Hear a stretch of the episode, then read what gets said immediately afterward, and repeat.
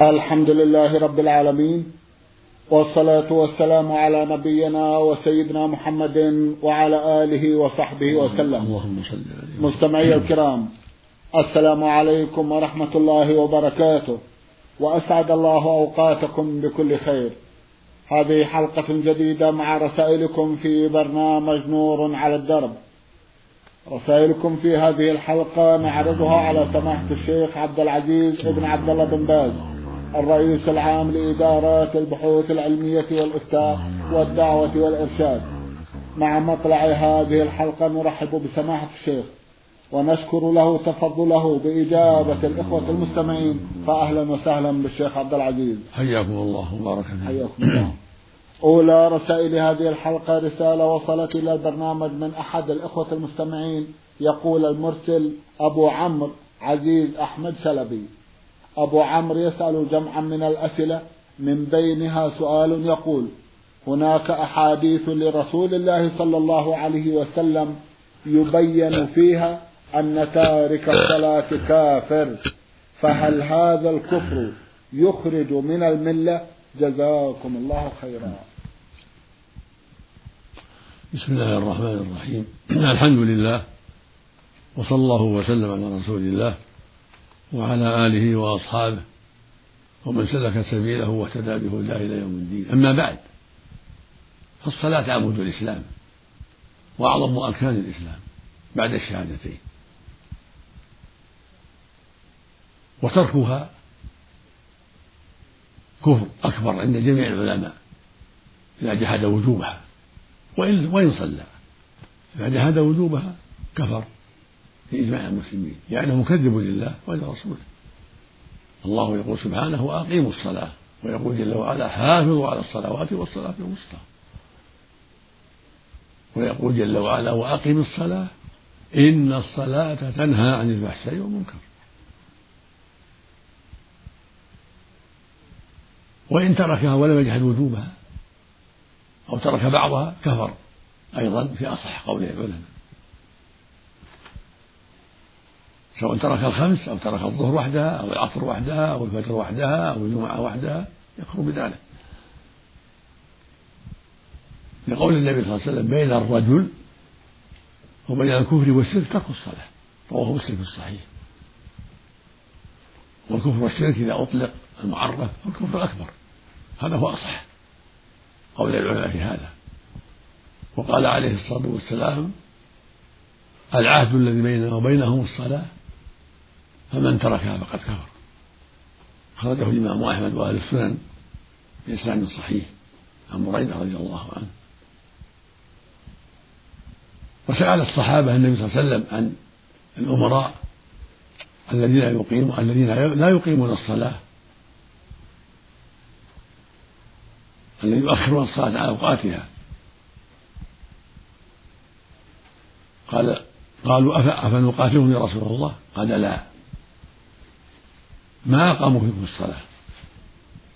في لفظ إلا أن تروا كفرا بواحا عندكم من الله في برهان فدل على أن الأمراء الملوك والخلفاء الذين لا يقيمون الصلاة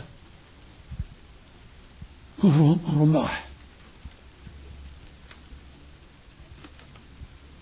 لا شبهة فيه.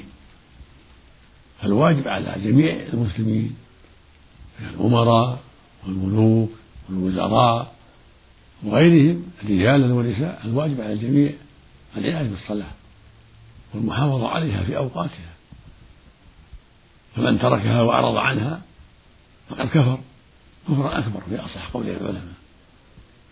وقال جماعة من العلم أنه كفر دون كفر وظلم دون ظلم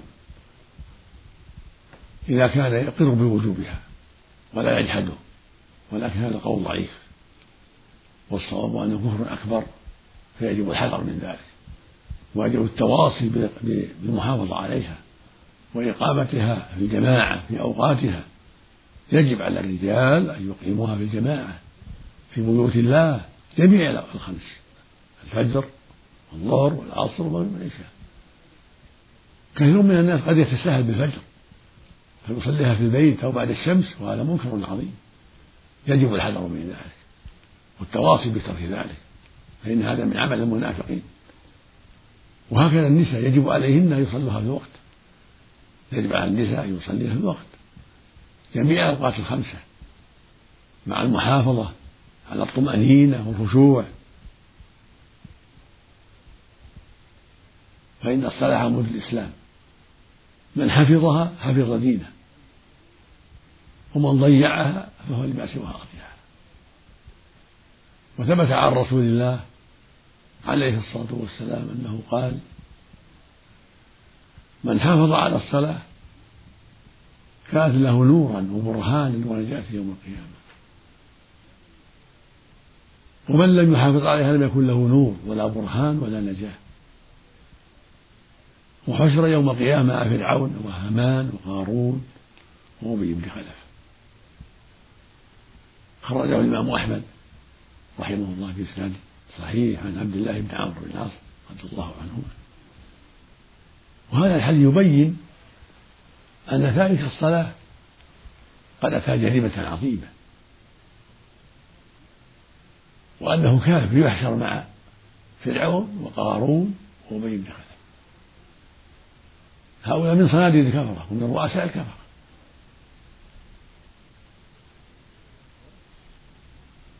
ووجه حشره معهم لأنه إن ضيعها من أجل الرياسة والملك صار شبيها بفرعون شغله ملكه وكبره عن اتباع الحق.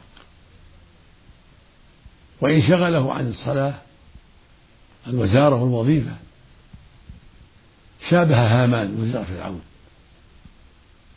فيحشر معه يوم القيامة نسأل الله العافية. وإن شغله عن الصلاة المال والشهوات شابه قارون الذي خسف الله به وبداره الأرض بسبب كبره واشتغاله بالمال عن طاعة الله ورسوله. وإن شغلته التجارة والبيع والشراء عن الصلاة شابه أبي بن خلف تاجر أهل مكة من الكفرة الذي قتل يوم أحد قتله النبي صلى الله عليه وسلم بنفسه فالواجب الحذر. من التساهل بالصلاة. وقد أخبر الله سبحانه في كتابه العظيم أن التكاسل عنها والتثاقل عنها من صفات أهل النفاق. قال تعالى في سورة النساء إن المنافقين يخادعون الله وهو خادعهم. وإذا قاموا إلى الصلاة قاموا كسالى. يراءون الناس ولا يذكرون الله إلا قليلا. هذه من صفاتهم الخبيثة. وقال جل وعلا في سورة التوبة وما منعهم أن تقبل منافقات أن تقبل منافقاتهم إلا أنهم كفروا بالله وبرسوله ولا يأتون الصلاة إلا وهم كسالى ولا ينفقون إلا وهم كارهون. فالواجب الحذر.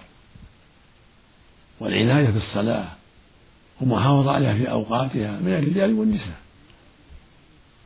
ويجب ويجب الحذر بوجه خاص من تضييع صلاة الفجر. في الجماعة بسبب السهر.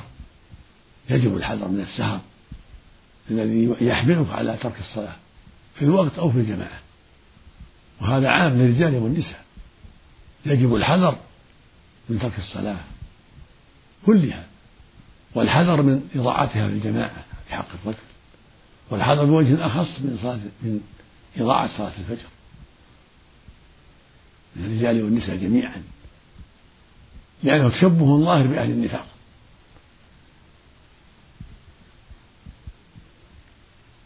وكثير من الناس يسهر على التلفاز أو على الإذاعة أو على لعب الورق أو ما أشبه ذلك أو على السواليف فإذا جاء الفجر فإذا هو جيفة ميت لا يستطيع أن يقوم وهكذا المرأة. هذا منكر عظيم. يجب الحذر. يجب أن تنام مبكرا حتى تستطيع أن تقوم لصلاة الفجر. وإياك أن تشتغل بالتلفاز أو بسماع الأخبار أو بأي شغل حتى ولو بقراءة القرآن. ليس لك أن تقرأ القرآن تسهر حتى تضيع صلاة الفجر. مع أن القرآن فيه الفضل العظيم لكن ليس لك أن تسهر سهرا يسبب لك إضاعة الصلاة. في وقتها أو في الجماعة ومن البلايا والمحن ما حدث أخيرا مما يسمى الدش. يسهر عليه كثير من الناس يسمعون ويرون فيه أشياء تضرهم في دينهم ودنياهم. فيجب الحذر من ذلك. فإن هذه الدشوش فيها خطر عظيم. قد كتبنا فيها نصيحة عامة. فأوصي إخواني جميعا بالحذر منه وعدم تركيبه والحذر من السهر على التلفاز أو غيره والحذر من سماع البلاهي وكل ما حرم الله.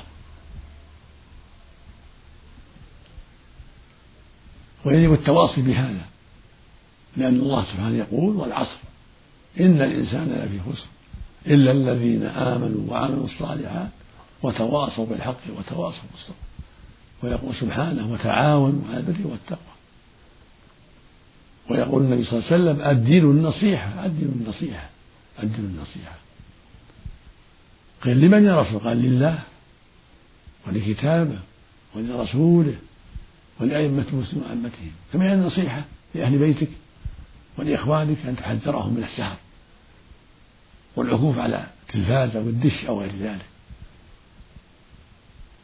أما السهر في طاعة الله التهجد في قراءة القرآن في مطالعة العلم مطالعة العلم في الدراسة. فلا بأس سهرا قليلا. لا يحمل على ترك الصلاة في الجماعة. لا سهر قليلا في العلم طاعة الله ورسوله في دراسة العلم في التهجد. هذا أمر مطلوب وهو مأجور لكن يحذر أن يكون هذا السهر يشغله عن الفريضة. قد أوصى النبي صلى الله عليه وسلم أبا هريرة وأبا الدرداء أن يوتر في أول الليل لما كان يدرسان العلم ويشق عليهما القيام في آخر الليل. لكن من قوي أن يقوم في آخر الليل فلينم مبكرا حتى يقوم آخر الليل ويصلي من الليل ويصلي صلاة الفجر في الجماعة حتى يجمع بين الخير كله. نسأل الله لنا ولجميع المسلمين التوفيق والهداية وصلاح النية والعمل.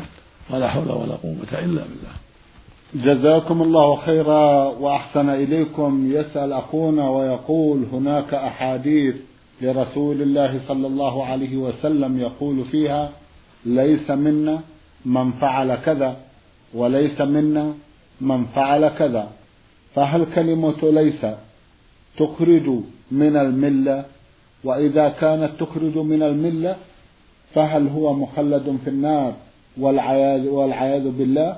وكيف الجمع بين هذه الأحاديث وأحاديث الشفاعة التي تقول أخرجوا من النار؟ من قال لا إله إلا الله وأخرجوا من النار من كان في قلبه مثقال حبة من إيمان. جزاكم الله خيرا. هذه الأحاديث التي فيها ليس منا في الأغلب والأكثر أنها من باب الوعيد والتحذير والترهيب مما ذكر فيها من المعاصي. ولا تخرج صاحبها من الإسلام إذا لم يستحلها ولكن فيها الحذر فيها الترهيب والتحذير. مثل يقول صلى الله عليه وسلم في الحديث الصحيح ليس منا من ضرب الخدود أو شق الجيوب أو دعا بالأوجاع يعني عند المصيبة. هذا وعيد. وليس كفرا. وقوله عليه الصلاة والسلام في الحديث الصحيح لا يؤمن أحدكم حتى يحب لأخيه ما يحب نفسه. لا يؤمن أحد أحد لا يؤمن من لا يأمن جاره بوائقه. كل هذا من باب التحذير والترهيب من الأخلاق الذميمة والحث على الأخلاق الكريمة. وهكذا ما أشبه ذلك. المؤمن يحذر ما حذر منه الرسول صلى الله عليه وسلم ويبتعد عنه. وهذه المعاصي تنقص الإيمان تضعف الإيمان. ومنها قول صلى الله عليه وسلم لا يزني الزاني حين يزني وهو مؤمن. ولا يشرب الخمر حين يشرب وهو مؤمن ولا يسرق حين يسرق وهو مؤمن الحديث يعني الإيمان الكامل الواجب. ليس معناه أنه كفر السارق مو كافر والزاني ليس بكافر. إذا لم يستحل. إذا كان يعرف أنها معصية ولكن حمله الهوى والشيطان يكون عاصي إيمانه ضعيف ناقص. معرض الوعيد على خطر من دخول النار. وهكذا شارب الخمر. إلا إذا استحل إذا قالوا الزنا حلال يكفر كفر أكبر. وهكذا لو قال شرب الخمر حلال يكفر كفر أكبر. وهكذا لو قال ظلم الناس والسرقة منهم حلال يكون كفر أكبر.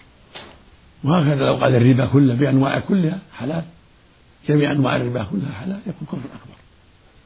أما إذا فعل بعض الربا ولم يستحله فعل بعض الربا يكون عاصي أتى كبيرة. أو تعاطى أنواع الربا لكن لم يستحل ذلك بل قطع هواه وراب هذه معصية يكون إيمانه ضعيف ناقص الإيمان. ومعرض للنار الوعيد والدخول النار. وهكذا من عق والديه أو قطع أرحامه ولم يستحل هذا يكون قد تعرض للوعيد. هو على خطر من دخول النار. وهو تحت مشيئة الله عز وجل. فالمقصود أن هذه الألفاظ ليست تدل على كفر أكبر ولكن من باب الوعيد ليس منا ليس منا. أو لا يؤمن أحد إلى آخره. وإنما يعرف أنه كفر أكبر من أدلة أخرى. نعم. أسأل سماحتكم جزاكم الله خيرا عن حكم النقاب إذ أني لاحظت أن بعض الناس يفتي بتحريمه فما هو القول الصحيح في هذه المسألة؟ جزاكم الله خيرا. القول الصحيح لا بأس بالنقاب بقدر العينين فقط. لأن الرسول صلى الله عليه وسلم لما نهى عنه المحرمة دل على حله لغير المحرمة. وإذا سترت وجهها بغير النقاب سترا كاملا كان أفضل وأكمل. وأبعد عن الشبهة. وإلا فالنقاب المضبوط بقدر العين فقط فلا بأس لا بأس به. بنص الرسول عليه الصلاة والسلام. اللهم صل عليه. وسلم نعم. جزاكم الله خيرا. أحد الإخوات المستمعات تقول المرسلة راي سين عيسى. الأخت راي سين عيسى تسأل وتقول هل هناك طريقة خاصة لتسبيح الله تعالى؟ فأنا أحب ذلك كثيرا. جزاكم الله خيرا. الباب واسع والحمد لله. الحمد لله. سبح الله. ما شئت. ولو آلاف التسبيح الحمد لله. لكن هناك تسبيح مخصوص. عقب الصلوات وفي أول النهار وآخره جاءت به السنة. وعند النوم كذلك ليس عليه؟ قد أوضحنا في كتاب جمعناه سميناه تحفة الأخيار فيما يتعلق بالأدعية والأذكار. تطلبين من الرئاسة العامة من دار الإفتاء بواسطة من ترين من إخوان أو غيرهم. تعطونه إن شاء الله. ونذكر بعض ذلك. فيسن في أول النهار. أن يسبح الله مئة مرة. سبحان الله وبحمده مئة مرة. وفي أول الليل كذلك. سبحان الله وبحمده. أو سبحان الله العظيم وبحمده مئة مرة. قال النبي صلى الله عليه وسلم من قالها حين يصبح وحين يمسي غفرت خطاياه هذا فضل عظيم. وهكذا بعد كل صلاة يقول سبحان الله والحمد لله والله أكبر ثلاثة وثلاثين مرة. بعد الصلاة الخمس الرجل مرة بعدما يقول أستغفر الله ثلاثا اللهم أنت السلام ومنك السلام تباركت يا ذا الجلال والإكرام. لا إله إلا الله وحده لا شريك له له الملك وله الحمد وعلى كل شيء قدير. لا حول ولا قوة إلا بالله. لا إله إلا الله ولا نعبد إلا إياه. له النعمة وله الفضل وله الثناء الحسن. لا إله إلا الله مخلصين له الدين ولو كره الكافرون. اللهم لا مانع لما أعطيت ولا معطي لما منعت ولا ينفع ذا الجد منك الجد. الجد إذا الغنى. ولا ينفع ذا الغنى منك غناه. هذا من الجد ولا ينفع ذا الجد منك الجد. هذا يستحب للرجل مرة بعد كل صلاة من الصلاة الخمس إذا سلم. ثم يأتي بالتسبيح. سبحان الله والحمد لله والله أكبر. ثلاث وثلاثين مرة. ثلاثة وثلاثين مرة. سبحان الله والحمد لله هذا مرة. وهكذا. يكرر ثلاث وثلاثين حتى يكون الجميع تسعة وتسعين. ثلاثة وثلاثين تسبيحة. ثلاثة وثلاثين تحميدة. ثلاثة وثلاثين تكبيرة. سبحان الله والحمد لله والله أكبر. ثلاثة وثلاثين. ثم يقول سنة المئة لا إله إلا الله. وحده لا شريك له له الملك وله الحمد وهو على كل شيء قدير. يقول صلى الله عليه وسلم من قال ذلك؟ غفرت خطاياه وإن كانت من زمن البحر. وهذا فضل عظيم. فأنا أوصي إخواني من الرجال والنساء. بالمحافظة على هذا بعد كل صلاة. وهكذا يستحب أن يقول لا إله إلا الله وحده لا شريك له له الملك وله الحمد وهو على كل شيء مئة مرة كل يوم. مئة مرة الرجل مرة. يقول لا إله إلا الله وحده لا شريك له له الملك وله الحمد وهو على كل شيء قدير. ويزال يحيي ويميت وهو على كل شيء حسن. أو قال بيده الخير وهو على كل شيء كله طيب. يقول النبي صلى الله عليه وسلم من قالها؟ من قال لا إله إلا الله له لا شريك له له الملك وله الحمد وهو على كل شيء قدير. في يوم مئة مرة كانت له عدل عشر رقاب يعني يعتقها. وكتب الله له مئة حسنة ومحى عنه مئة سيئة وكان في حرز من الشيطان يومه ذلك حتى يمسي. ولم يأتي أحد بأفضل مما جاء به إلا رجل عمل أكثر من عمله. هذا فضل عظيم. فأنا أوصي بهذا الذكر مئة مرة كل يوم. والأحسن في أول النهار حتى يحصل له. الحرز من الشيطان في جميع اليوم. يقول لا إله إلا الله وحده لا شريك له. له الملك وله الحمد وهو على كل شيء ثلاث مئة مرة. وإن قال يحيي ويميت وهو حي لا يموت بيده الخير وهو على كل شيء. كله كله طيب. جاء هذا وهذا. في الأذكار. جاء لا إله إلا الله وحده لا شريك له له الملك وله الحمد وهو على كل شيء قدير. وجاء لفظ آخر لا إله إلا الله وحده لا شريك له له الملك وله الحمد يحيي ويميت وهو على كل شيء قدير. ولفظ ثالث لا إله إلا الله وحده لا شريك له له الملك وله الحمد يحيي ويميت بيده الخير وهو على كل شيء قدير. ولفظ الرابع لا إله إلا الله وحده لا شريك له له الملك وله الحمد. يحيي ويميت وهو حي لا يموت. بيده الخير وهو على كل شيء. كله طيب والحمد لله. كله طيب. فلا أوصي بهذا الذكر مائة مرة كل يوم. وإذا زاد الإنسان في أوقات أخرى في الليل والنهار وذكر الله وسبح الله مئات المرات كله خير.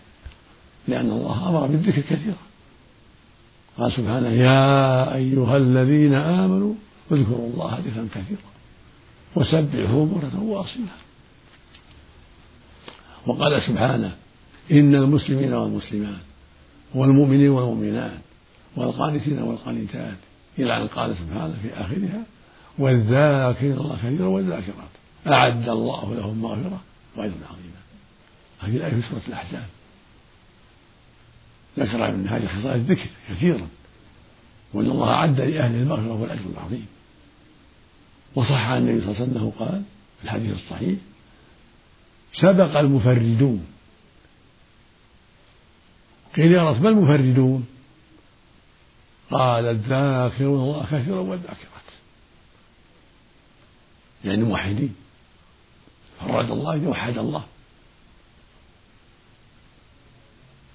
وقال عليه الصلاة والسلام من قال لا إله إلا الله وحده لا شريك له له ملكه وله الحمد وهو على كل شيء قدير. عشر مرات كان كمن اعتق أربعة أربعة أنفس من ولد إسماعيل. وقال عليه الصلاة والسلام أحب كلام الله أربع أحب الكلام إلى الله أربع سبحان الله والحمد لله ولا إله إلا الله والله أكبر. وفي لفظ آخر لا يضرك بأيهن بدأت سواء بدأ بالتسبيح أو بالتحميد أو بكل واحد. سبحان الله والحمد لله ولا إله إلا الله والله أكبر. أو قلت الله أكبر والحمد لله وسبحان الله ولا إله كله طيب وقال أيضا عليه الصلاة والسلام الباقيات الصالحات. سبحان الله والحمد لله ولا إله إلا الله والله أكبر ولا حول ولا قوة إلا بالله. فأنا أوصي إخواني جميعا من الرجال والنساء. أوصي الجميع بالإكثار من ذكر الله في كل وقت. قالت عائشة رضي الله عنها كان النبي صلى الله عليه وسلم يذكر الله على كل أحيان في جميع أوقاته عليه الصلاة والسلام. كان يذكر الله في كل أحيان. اللهم صل على وسلم هو مغفور له ولكن لطلب الخير لطلب الدرجات والحسنات. فالوصية الإكثار من ذكر الله من التسبيح والتحميد والاستغفار والدعاء في كل وقت. مع المحافظة على الأذكار الواردة عنه صلى الله عليه وسلم والمعينة التي عينها صلى الله عليه وسلم. وهكذا عند النوم. يستحب له عند النوم أن يسبح الله ثلاث وثلاثين ويحمد الله ثلاث وثلاثين ويكبر الله أربع وثلاثين عند النوم. أوصى النبي صلى الله عليه وسلم بذلك. فاطمة وزوجها علي. وقال إن هذا خير لكما من خادم. يقول سبحان الله والحمد لله والله أكبر ثلاث مرة ويزيد في التكبير الرابعة حتى تصير مئة ثلاثة تسبيحة يقول ثلاثة تسبيحة ويقول ثلاثة تحميدة ويقول أربعا وثلاثة تكبيرة الجميع مئة عند النوم. ويستحب أن يقرأ آية الكرسي عند النوم. ويقرأ قل هو الله المعوذتين عند النوم ثلاث مرات. قل هو الله أحد قل أعوذ برب الفلق قل أعوذ برب الناس يقرأها ثلاث مرات عند النوم.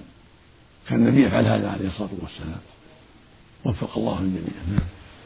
اللهم آمين. جزاكم الله خيرا وأحسن إليكم. سماحة الشيخ في ختام هذا اللقاء أتوجه لكم بالشكر الجزيل بعد شكر الله سبحانه وتعالى على تفضلكم بإجابة الإخوة المستمعين.